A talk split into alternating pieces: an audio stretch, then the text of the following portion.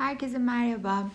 Bugünkü konumuz neden hep aynı sorunları, neden hep aynı döngüdeyim, neden her şey hep aynı ilerliyor? Aslında bunun sebebini ve kaynağını keşfedeceğiz. Öncelikle bilinçaltı sonsuz bir kütüphane olarak hayal edin.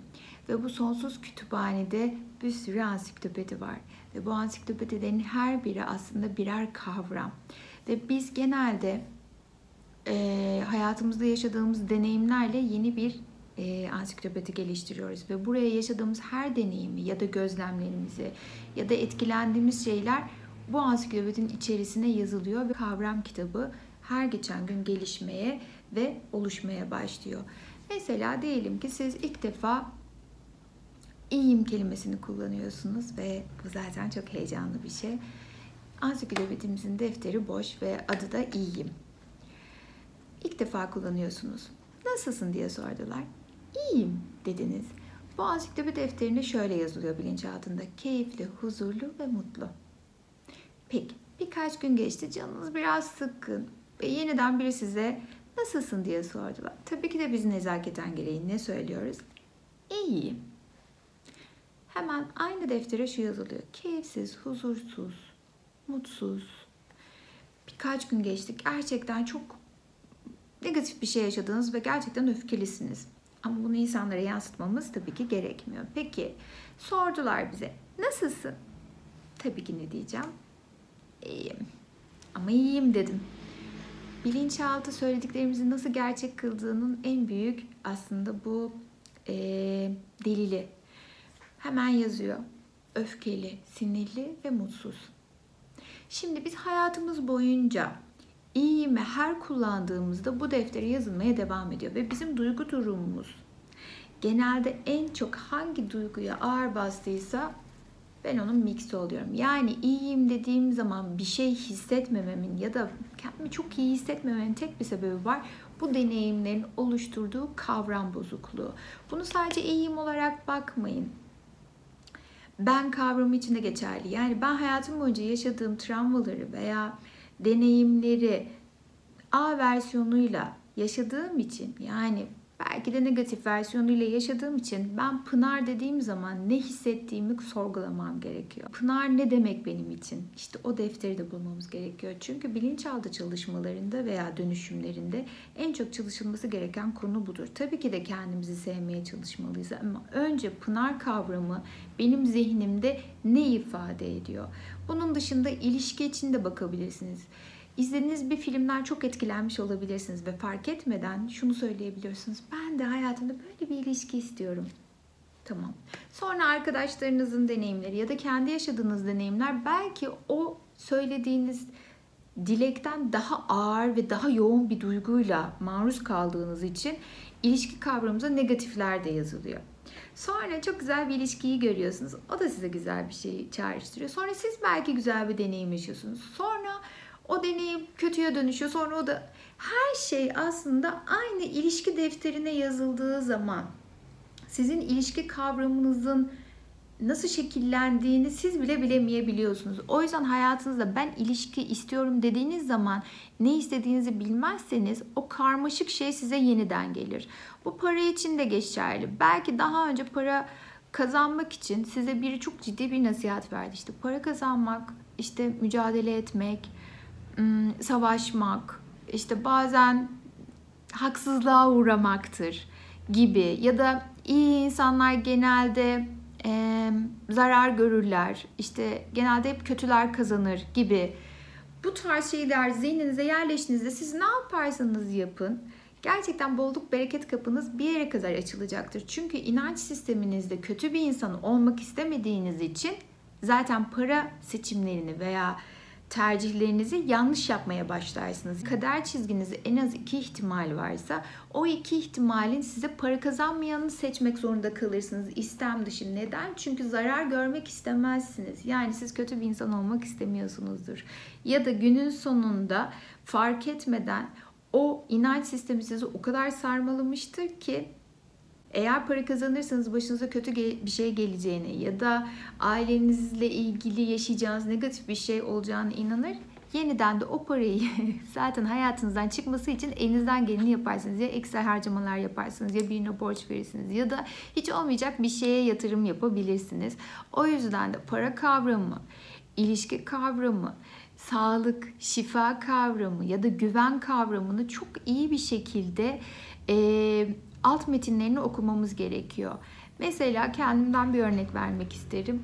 Benim çok gerçekten ileri derecede su fobim vardı ve bunu 5 yaşından beri yaşıyorum. Ta ki 27 yaşıma kadar ve sürekli zaten su grubuyum. İnanılmaz suyu seviyorum ama duş alırken bile stres altında böyle titreyerek duş alan biriydim. Ve ben dedim ki hayatım böyle ilerlemesini istemiyorum ve bu şekilde devam edemem. Yani hayat böyle bir şey değil. Tamam A versiyonunda yaşadığım bir deneyim beni bir yere kadar getirmiş olabilir ama ben hayatımı ve tercihlerimi o korkunun üzerine kurmak istemiyorum. O yüzden de B versiyonumda eğer ben hiç sudan korkmasaydım, eğer su deneyimim negatif sonuçlanmasaydı nasıl bir hayat sürerdimi merak etmeye başladım. Aslında bilinçaltındaki dönüşüm çalışmalarının temel amacı budur. A versiyonunda yaşadığınız deneyimler eğer hiç yaşanmamış olsaydı ya siz hiç o negatiflere maruz kalmasaydınız ya da o deneyimleri yaşarken bu kadar tahrip olmasaydınız nasıl bir hayat sizi beklerdi? Nasıl bir pınara dönüşürdünüz? Peki bu pınar sizin hoşunuza gider miydi? Aslında biz burada genel olarak bu konu üzerine çalışmayı amaçlıyoruz. Çünkü A versiyonundan B versiyonuna geçiş yaparken size soruyoruz her şeyi. Böyle olmasını ister misin? Peki bu duygulara gerçekten ihtiyacın var mı? Bu giden negatif duyguların yerine artık hangi duygular sana iyi gelir? Bunları sizin seçmesin, seçmenizi amaçlıyoruz. Çünkü böyle olduğu zaman tercih ve her şey sizin elinizde oluyor ve o kitapçığa yazılacak her yeni duygu sizin kontrolünüzde oluyor. O zaman duygularınızı ve düşüncelerinizi kendiniz yönetmeye başlıyorsunuz. Çünkü bilinçaltı diyor ki Pınar gene benim için doğru bir karar verdi. Pınar benim için her zaman en doğrusunu ve en güveniliri seçer. O zaman kendinizle de barış içinde oluyorsunuz. O zaman içinizdeki o sizi sürekli denetleyen ses de size güvenmeye başlıyor. O yüzden aslında iç huzurumuz için, zihnimizin daha berrak çalışması için, hayatımızdaki birçok şeyin daha bizim hayrımıza gelişmesi için tek yapmamız gereken şey aslında korkularımızdan, travmalarımızdan ve endişelerimizden biriktirdiğimiz o negatif kavramları dönüştürebilmek. Belki bu çalışmaya hazır hissetmiyor olabilirsiniz kendinizi. O zaman yapmanız gereken tek şey o kavramları kendinizde tekrarlayarak sorgulamak. Sadece ilişki, ilişki, ilişki dediğinizde bile kalbinizde veya zihninizde ya da kafanızda oluşan şey bile negatifse onları hemen not almanız gerekiyor. Ve sonrasında bunu hayal ederken yeniden ilişki dediğinizde belki izlediğiniz güzel bir film, belki sadece bir hissiyata odaklanarak o ilişki, ilişki, ilişkiyi hissettiğinizde ama bunu düzenli olarak ve 21 gün yaptığınızda zihninizdeki bu anlam e, kavram bozukluğu dönüşmeye başlıyor. Çünkü bu birazcık daha e, manuel, birazcık daha e, emek isteyen bir şey ama eğer ki bilinçaltı dönüşüm çalışmasına kendinizi hazır hissetmiyorsanız bu şekilde de kendi kendinize de dönüşüm yapabilirsiniz. Bunu her şey için geçerli. Su için geçerli, yemek için geçerli, ilişkiler için geçerli ya da bir arkadaşınız var onunla yaşadığınız negatif bir şeyden dolayı ilişkiniz tahrip olmuş olabilir. Onun adını da söyleyerek yapabilirsiniz ve en önemlisi kendiniz için yapabilirsiniz. Pınar, Pınar, Pınar dediğinizde size ne çağrıştırıyor? Yani kendinizi hitap ettiğinizde ne çağrıştırıyor ya da ben, ben, ben dediğinizde ne hissediyorsunuz? Bunlara yoğunlaşmanız gerekiyor. Ve burada hissettiğiniz negatif duyguları mutlaka yazın. Ve bu duygulara ihtiyacınız yoksa dönüştürmek istediklerinizi de yazın. Siz hissettiğiniz negatif duygular yerine pozitif duygularınızı bulup bunları kendinize söylediğinizde belirli süreden sonra ön beyniniz ve bilinçaltınız bu değiştirmek istediğiniz duyguları almaya başlayacaktır. Tıpkı hayatınızdan şekeri azaltmak veya çıkartmak gibi çayı veya kahveyi ilk şekersiz içmeye karar verdiğinizde inanılmaz kötü gelir tadı ve sürekli içinizdeki ses ya eski hali çok iyiydi bu çok kötü çok iğrenç nasıl bunu içeceğiz dediğinizde bir hafta sonrasında aynı eylemize devam ettiğinizde alışmaya başlarsınız ve sonrasında dile yani isteseniz bile şekerli size gerçekten çok kötü gelmeye başlar. İşte aslında alışkanlıklarımız da zamanla kararlı olursak ve devam etmeye başlarsak onlar da dönüşmeye başlarlar. Sadece birazcık sabır, birazcık kararlılık ve birazcık inançla her şeyi dönüştürebilme gücüne sahip olduğumuzu bilmenizi isterim.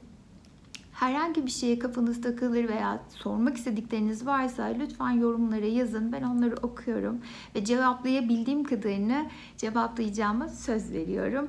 Umarım hayatınızda güzel dönüşler olur ve kavramların hayatımızı nasıl etkilediğini ve aslında kader çizgimizin tamamen kavram bozukluklarından dolayı şekillendiğini ve tercihlerimizi o kavram bozuklukları yüzünden yaşadığımızı bildiğimizde aslında özgürleşmeye başlıyoruz. O yüzden her şeyin elimizde olduğunu ve en az iki seçenek hakkımız olduğunu ve o iki seçeneğin de iki seçeneği, o iki seçeneğin de iki seçeneği olduğunu unutmamamız gerekiyor. Ve sonsuz ihtimaller denizinde kendimize her zaman en uygun olanı, kalbimize en güzel olanı seçmeyi niyet ediyoruz ve sevgiyle kalın. Hoşçakalın.